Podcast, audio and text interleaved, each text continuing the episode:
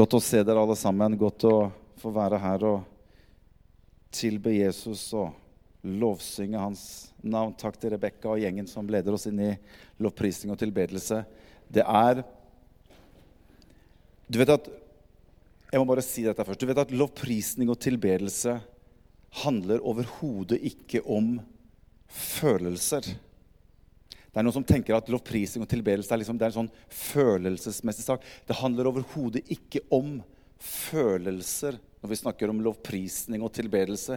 Lovprisning og tilbedelse går mye dypere enn at det dreier seg om følelser.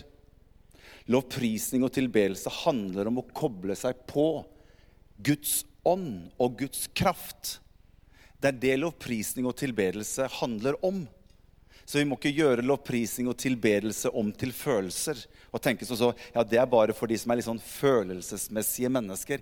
De kan holde på med lovprisning og tilbedelse. Det går absolutt mye, mye dypere enn det. Det kan påvirke dine og mine følelser. Absolutt. Men det handler ikke om følelser. Det handler om å koble seg på. Det handler om å komme inn i Guds nærhet. Og jeg tror at du og jeg vi er nødt til å lære oss hvordan vi skal koble oss på og komme inn i den atmosfæren av Guds nærhet med, gjennom lovprisning og tilbedelse. For det er en dimensjon der fienden din og min ikke greier å gå inn. Det er en dimensjon hvor frykt må få, bli igjen på yttersiden når du og jeg trer inn i hans nærhet. Motløshet må stå på gangen. Depresjon greier ikke å være der. Og jeg tror noen ganger vi er veldig flinke til å flytte kroppen vår fra sted til sted. De fleste av dere har enten kjørt eller tatt bussen, og vi flytter kroppen, og vi er veldig flinke til å flytte kroppen vår. Vi trenger å lære oss å flytte vår ånd og vår sjel også inn i det som har med Guds rike å gjøre. Amen. Og det er det lovprisning og tilbedelse dreier seg om. Det handler om å komme inn i hans nærhet. Og hør en ting til. Lovprisning og tilbedelse vil alltid være at det er du og jeg som gir noe til ham. Guds ord er Gud som gir noe til deg og meg. Så jeg, jeg, hører noen ganger noen si ja, men skjønner, jeg kommer litt senere, for jeg ønsker bare å få høre Guds ord. Da har vi misforstått. For skjønner, Det fins noen nøkler her i Guds rike. For i min bibel så står det 'Gi, så skal du få'. Aha. Så hvis du ønsker å få noe ut ifra Guds ord, så er det veldig viktig at du også er med og gir inn. Så lovprisning og tilbedelse, det er din og min mulighet til å være med og gi til Gud. Slik at når vi gir til Gud, ja, så gir han sterkere tilbake gjennom sitt ord etterpå. Gi, så skal du få. Er vi med på den? Den har du ikke tenkt på før. Ja, det er sant, det Aune sier der. Den er ikke, ja, det er faktisk sant. Vi skal være gode givere i lovprisning og tilbedelse. For det eneste du og jeg kan gi Og jeg har sagt noen ganger Det er ikke sikkert at Gud er så veldig imponert over vår forkynnelse. Det er ikke sikkert han sier å, nå, nå, nå gleder jeg meg til å høre Morten Aune forkynne Guds ord. Han er jo ordet, han.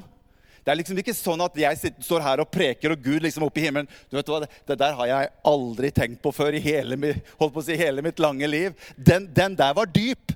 Han sitter jo liksom ikke oppe der og er veldig sånn stolig imponert over oss her nede som forkynner Guds ord. Men det er han som gir oss. Men det du og jeg kan gi han, det er fra våre hjerter å være med å tilbe han og gi ham ære og pris for hvem han er, og hvor stor og mektig han er. Da gir vi til han, og han kan betjene oss sterkt tilbake gjennom Guds ord. Og alt folket sa amen. Det var godt å høre. Jeg har lyst til å bare dele noe litt sånn kort. Eh, med dere her i, i, formiddag. Jeg skal ikke holde på lenge, men jeg har lyst til å dele noe rundt en mann som jeg er veldig veldig glad i, og det er Jesus. Vi, går det an å bare ta bort min stemme i alle monitorene bak her? For jeg får litt sånn jeg føler at jeg står i himmelens katedral og preker. og eh, Jeg er ikke helt der ennå. Jeg har ikke blitt invitert dit til å komme og preke enda, Så eh, vi får eh, vente litt, med, vente litt, med, det. Takk skal du ha. Eh, jeg har lyst til å dele bare litt rundt en som jeg er veldig glad i, og det er Jesus Kristus. Og jeg blir bare mer og mer fascinert av han, og jeg blir bare mer og mer glad i han. Og jeg, jeg, elsker å være sammen med han. Han har utgjort en forskjell i livet mitt. Og jeg hadde aldri gitt han bort for noe som helst. Han betyr mye for meg. Og Jeg har bare lyst til å dele noe rundt Jesus ut ifra Salme 23 i dag. Og for dere som kjenner den salmen godt, så vet dere at generelt så er jo Salme 23 kanskje noe av det mest kjente som er skrevet i hele Bibelen alle mennesker ikke skal ikke si alle mennesker, men alle som har vært borti Bibelen noen gang, har vært borti Salme 23. Nesten uansett hvor du reiser, om du har et forhold til Gud eller ikke, så er Salme 23 en enorm, kanskje det mest kjente som står i hele Bibelen. Og Jeg har bare lyst til å dele noe fra mitt hjerte rundt dette. fordi at i Salme 23 så, om, så leser vi om at Herren er min hyrde. Og Jeg har bare lyst til å dele litt rundt dette med at Jesus er et bilde på det å være hyrde. Og Det er på en måte som at Jesus han er på mange måter på tilbudssiden, og han omtaler seg selv på veldig mange forskjellige måter. Og en av de måtene Jesus omtaler seg på, det er at han er en hyrde. Så det er på en måte som at Jesus tilbyr seg og sier at hvis du vil, så kan jeg gjerne få lov til å være din hyrde hyrde. Og Jesus bruker, og Guds ord bruker veldig mange forskjellige bilder for å prøve å beskrive hvem Gud er. Han sier bl.a.: 'Jeg er livets brød', sier han. Da kan jo folk begynne å få liksom, livets brød. Han, det er jo ikke det at han er et brød.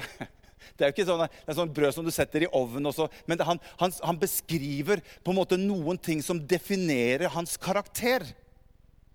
Vi skjønner, vi skjønner, jo det etter hvert at det handler jo bare om at Jesus omtaler seg selv som livets brød. fordi at han, Hvis jeg har han i livet mitt, så, så, så kan han gi meg næring i mitt åndelige liv. Han, han, jeg, kan, jeg, kan, spise av hans ord. Og så omtaler han seg som livets brød. Fordi at Guds rike og Gud i seg selv er for stor til at du og jeg kan greie å fatte han med ord.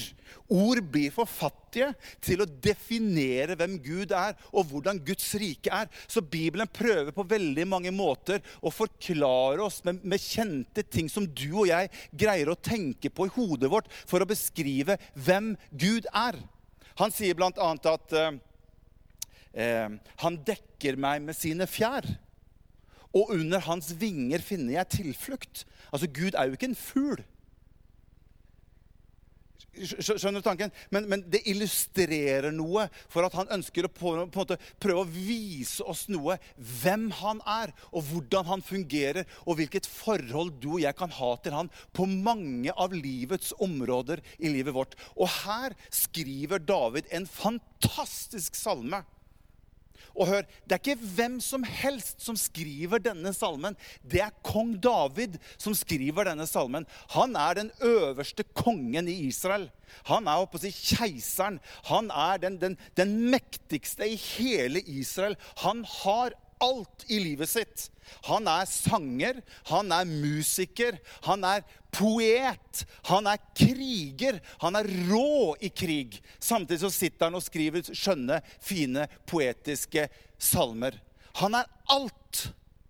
Og når han går til verket og så skriver han Salme 23, så denne mannen som alle de andre på en måte kommer og rådfører seg med og stiller spørsmål, og han er den som gir råd og veiledning til så mange rundt seg Nå skriver han Salme 23, og så begynner han hele salmestien.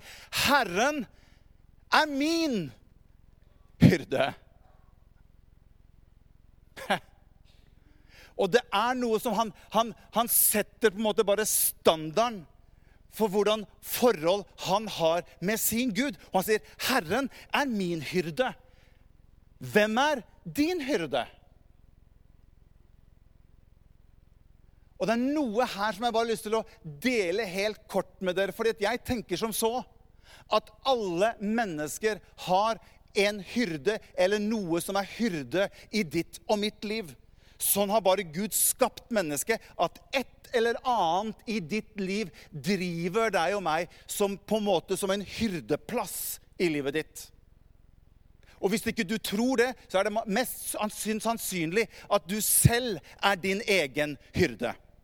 Og Det er for så vidt greit. Da har du bare tatt et valg at 'jeg styrer livet mitt selv'. Ok, Da er du hyrden i ditt liv.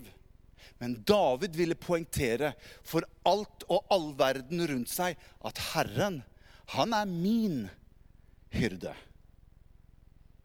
Hvem er din hyrde? Og jeg, når, jeg, satt og leste denne salmen, så hadde jeg lyst til å bare dele noen ting som, som kan gjøre at vi får en litt annen hva skal vi si, eh, feeling av den salmen. Jeg har lyst til å prøve å poengtere noe gjennom denne salmen. Skal vi lese bare hele salmen først, og så har vi liksom den som et sånt fundament å bygge på. Herren er min hyrde. Jeg mangler ingenting. Han lar meg ligge du, Mange av dere kan jo nesten hele salmen utenat, men du verden, når jeg leser den Hver gang jeg leser den, så er det, det, det er så fantastisk, det som står der. Han lar meg ligge i grønne enger. Han leder meg til hvilens vann. Han fornyer min sjel. Han leder meg på rettferdighetsstier for sitt navns skyld. Ja, selv om jeg må vandre gjennom dødsskyggens dal, så frykter jeg ikke for noe ondt. For du er med meg. Din kjepp og din stav, de trøster meg. Du dekker bord for meg framfor mine fiender. Du salver mitt hode med olje, og mitt beger det flyter over. Sannelig, bare godhet og miskunnhet skal etterjage meg alle mitt livs dager, og jeg skal bo i Herrens hus til evig tid.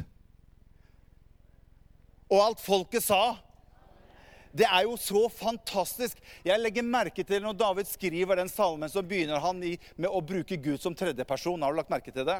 Herren. Altså Han omtaler Herren som tredjeperson.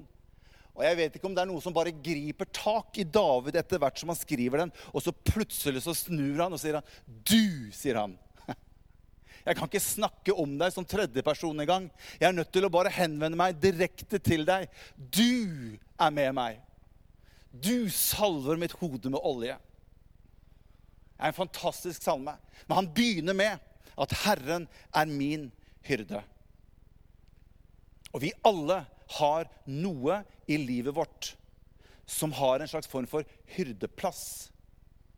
Det kan være andre mennesker som har den plassen. Det kan være andre ting i livet som får en slags form for lederplass, som driver deg i livet. Mens David han hadde bestemt seg for at han ønsket at Herren skulle være hans hyrde. Hvem er din hyrde? Og så fortsetter David med å si jeg mangler ingenting. Hvordan kan du si det, David? At ikke du mangler noen ting? Jo, fordi at Herren er min hyrde. Det her er ikke, sånn, det er ikke bare en sånn der fint skrevet, poetisk Dette er løfter som ligger vi må ikke se på det bare som en sånn der, var, Jeg leste en sånn kommentar hvordan vi skulle forholde oss til Guds ord. Så var det en som skrev, en, en, faktisk en teolog, at vi må, vi må, definere Guds ord og, og, og, og, forholde oss til det som et annet verk, f.eks. Shakespeare. Men var at alt det Shakespeare skrev, uansett hvor bra det var, det er ikke Guds ord. Men Bibelen er Guds ord. Og i det så ligger det noen løfter. Og David sier at 'Herren er min hyrde'. Og på grunn av at jeg har bestemt meg for at han er min hyrde, så mangler jeg ingenting. Det bærer konsekvensen av at jeg har valgt han som hyrde i mitt liv. Fantastisk. Og så fortsetter han med, så sier han Han lar meg ligge i grønne enger. Det, på norsk her så står det 'Han lar meg ligge'. Jeg, jeg liker egentlig den engelske oversettelsen. fordi at hvis du går på grunnteksten og sjekker litt hva som står der, så er egentlig 'lar' det er egentlig litt sånn, det er litt svakt. Sånn at når, jeg, når, vi, når, når den norske Bibelen sier 'han lar meg ligge', så er det litt sånn at ja, hvis du føler for det, Morten, så kan du på en måte bare legge deg ned i noen grønne enger.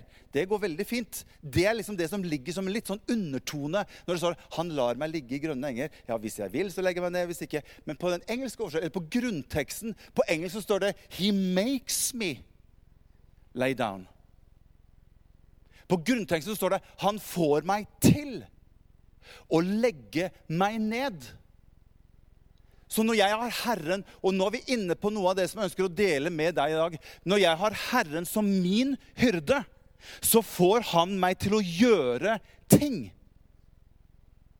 Han får meg til å legge meg ned i grønne enger. holdt på å si, Enten jeg vil eller ikke. Fordi at hvis jeg gjør han til min hyrde, så er det han som leder meg, og ikke motsatt.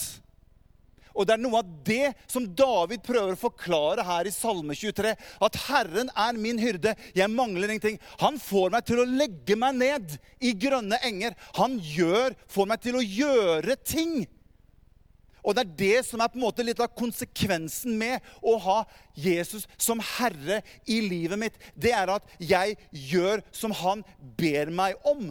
Fordi at jeg har valgt å ha han som herre i mitt liv. Og han ber meg, og han får meg til å legge meg ned i grønne enger. Og så kan du tenke sånn ja, men ingen skal få meg til å gjøre noe som jeg ikke vil. Nei, men Da kan du ikke ha Herren som din hyrde. For hvis du ønsker å ha Herren som din hyrde, så ønsker han, og han vil, få deg og meg til å gjøre en del ting. Og så kan du jo se på hva det egentlig han ønsker å få oss til å gjøre. Men det er det som er litt av grunnholdningen i salme. David sier at 'han er min hyrde'. Jeg trenger han i livet mitt, og jeg har tenkt å følge han og gjøre det han ber meg om å gjøre. Fordi at jeg tror at det er bra for meg i mitt liv å ha Jesus som min hyrde i mitt liv. For det står ikke i denne salmen at 'Herren er min hyrde'. Det passer veldig godt for meg. Og Det kan jo vi tenke litt som kristne. at ja, Herren er Jesus er hyrde. Jeg har tatt imot Jesus. Og jeg tenker at det, det får bare passe litt inn i livet mitt sånn som jeg tenker at det er greit å ha Jesus i livet mitt, da er han ikke hyrden i livet ditt. Og Det er akkurat det samme som står her på grunnteksten når Jesus sier til Peter og Det er derfor denne teksten her er egentlig litt tøff. Du tenkte at denne, det her er jo bare det mykeste og fineste du kan lese i Bibelen. Dette er en knalltøff tekst. Når Jesus sier til Peter, så sier han til Peter, 'Følg meg'. Men han Jesus stopper ikke. Han sier og jeg skal gjøre deg til en menneskefisker. Hvis du, Peter, vil følge meg, så vil det få konsekvenser for livet ditt. For jeg ønsker ikke bare å være en slags form for inn og ut av livet ditt. Hvis du ønsker å ha meg som hyrde, hvis du ønsker at jeg skal være herre, så kommer jeg til å få deg til å gjøre ting som jeg tror er best for livet ditt. Det er det David snakker om her. Han lar meg, han får meg til å legge meg ned i grønne enger. Og så står det videre Han leder meg til livets vann. Henger du med fortsatt? Henger du med fortsatt her? Ja, bra. Han leder meg til hvilens vann. Han fornyer min sjel. Og han leder meg på rettferdighetsstier for sitt navns skyld. Så han er jo en ganske ålreit hyrde. Han får meg til å legge meg ned i grønne enger. Han leder meg til vann. Han fornyer min sjel. Det er det han får meg til å gjøre. Hvis jeg har han som herre i mitt liv, så vil han være med å sørge for at disse tingene her er på en måte bare en frukt av det å følge han og ha han som hyrde i mitt liv. Det er derfor David sier at jeg ønsker å ha han som hyrde i mitt liv. For jeg vet at jeg trenger en sånn hyrde i mitt liv. I det livet jeg lever i dag, så trenger jeg en sånn hyrde som får meg til å legge meg ned i grønne enger noen ganger. Amen. Jeg trenger en hyrde som leder meg til vann der jeg kan finne hvile. Jeg trenger en hyrde som kan være med å fornye min sjel. Men jeg må følge han. For det er på hans sidehalvdel, og ikke på min. Halleluja. Dette er bare Salme 23, som vi bare går litt inn i og ser litt, litt nærmere på. Og så står det videre Ja, selv om jeg må vandre gjennom dødsskyggens dal, så frykter jeg ikke for noe vondt.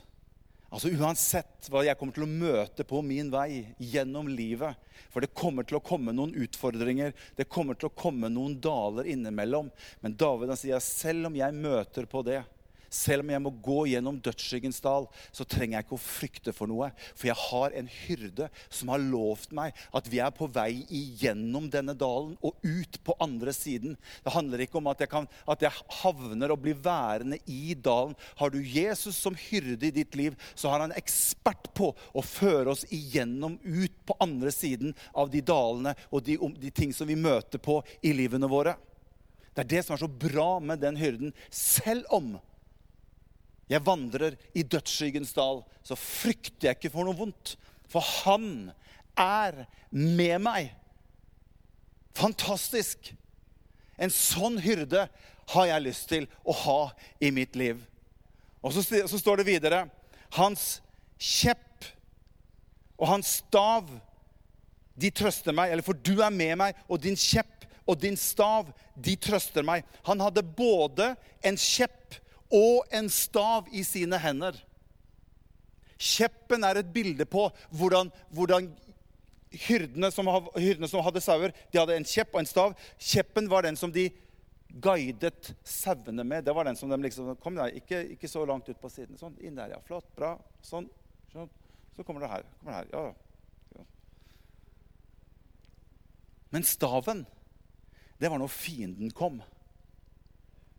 Da tok hyrden staven sin. Den var laget i knallhardt tre i et helt stykke. Ofte høyere enn hyrden selv.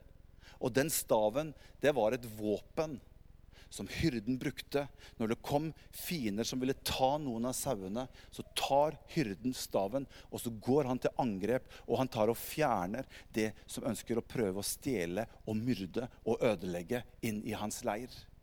Og Det er derfor David sier at din kjepp og din stav den trøster meg. Han vet at han har en som er med, med seg i livet. Som ikke bare er der for livet hans, men han er der for når jeg møter fienden, så er han der sammen med meg. Og han tar både bjørn, og han tar både løve, og han tar til slutt Goliat også. Og det er denne hyrden som han har med seg i livet sitt. Er ikke det bra? Fantastisk! En sånn hyrde vil jeg ha i mitt liv.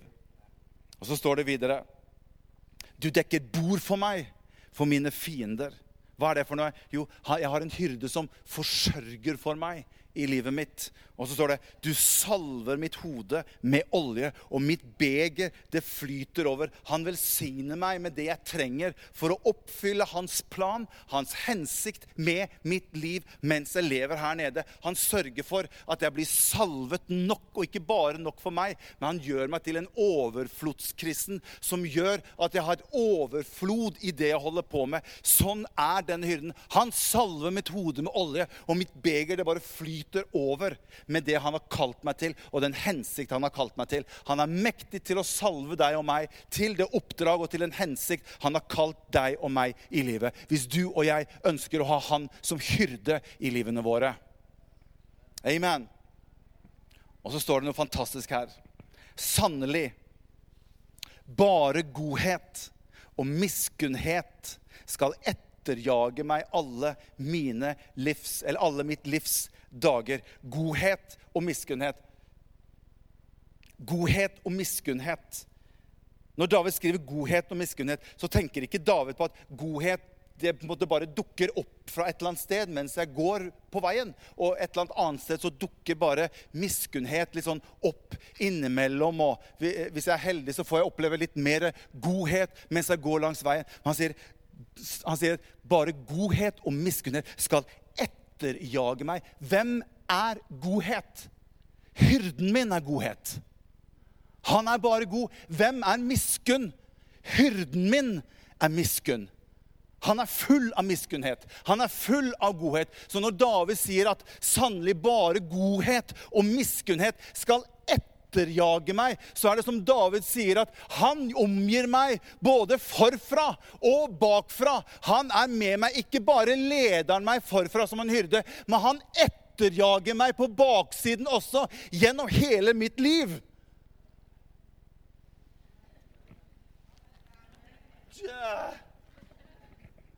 Amen. Det er hyrden selv. Det er, som, det, er som, det er som hyrden sier til David. Jeg holder din rygg. Jeg følger etter deg med min godhet og min miskunnhet, som er en del av min natur som hyrde. Og jeg skal etterjage deg alle dine livs dager. Og du skal få lov til å bo og leve i Herrens hus gjennom alle tider. Halleluja. Det er den hyrden som jeg ønsker skal lede mitt liv. Halleluja. Når jeg leser, når jeg leser den teksten kan, Frode, kan ikke du komme fram og bare spille litt? Vi skal gå mot avslutning. Når jeg, når jeg, leser den teksten, her, så tenker jeg liksom ok, Jeg ser det vel ikke akkurat på som et sånt kompliment fra Gud å bli sammenlignet med en sau. Jeg vet ikke hvordan det er med deg, men jeg tenker at det er ikke Hvor, hvor, hvor, liksom, hvor, kommer dette inn i bildet? Og det er jo liksom ikke sånn jeg tenker, kan, Og kanskje Gud, kanskje sau, kanskje det er favorittdyret ditt, liksom. Du har sett disse Lambi-reklamene. Det er en sånn nusselig, godslig liten ulldott som, som, ligger oppå disse her eh, dorullene. Og, og, alt er jo så ullete og så fint og så hvitt og så søtt. Men jeg tror ikke, jeg tror, det er ikke det liksom at Gud så utover skaperverket. Skal vi se, hvilke, hvilke, dyr skal jeg på en måte liksom, bruke opp imot mennesker? Skal vi er favorittdyret mitt? Jo, en sau. Nei. Altså, En sau kan, til, kan, være ganske grei liksom på avstand. Men altså, når du kommer liksom tett innpå en sau Jeg vet ikke hvor mange av dere som har vært tett innpå en sau noen gang. Mange her har jo sauer rundt seg håper si, hele året.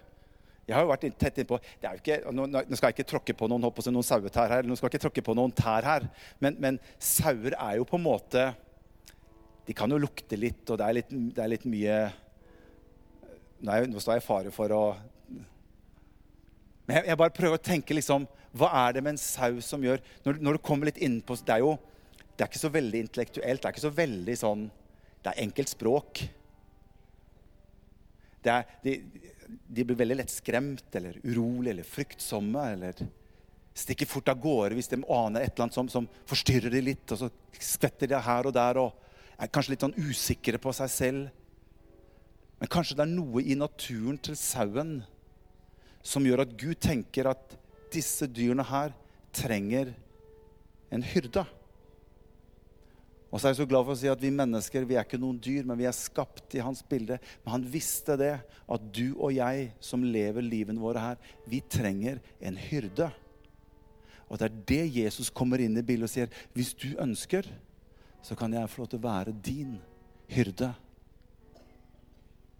Og mennesker i dag som sliter med så mye i livene sine, som kanskje prøver i egen kraft å leve livene sine, og vi har aldri brukt mer medikamenter i dag for å prøve å leve livene våre uten all denne frykten, uten all denne depresjonen, uten all denne angsten, uten all denne usikkerheten osv. osv. osv. i livene våre. Og vi prøver å døyve det selv fordi vi ønsker kanskje å være herre hos oss selv. Vi ønsker å kanskje være våre egne hyrder, og det bare drar mer og mer på seg i livene våre. Og Jesus kommer og sier, 'Jeg ønsker å være din hyrde'. Jeg kan lede deg til vann der du vil hvile. Jeg får deg til å legge deg ned i grønne enger. Hvis du har meg som hyrde, så vil du aldri mangle noe. Og Jesus kaller på deg og meg og sier, 'Jeg ønsker å være din hyrde'. Vil du la meg være din hyrde? Kanskje du og jeg trenger å bytte ut ting i livene våre og få han mer og mer inn som den sanne, rette hyrden i livet vårt.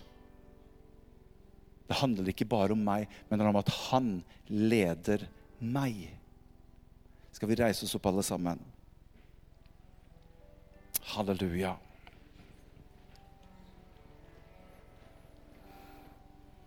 Jesus.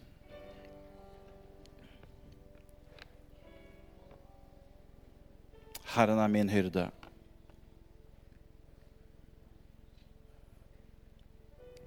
Jeg mangler ingenting.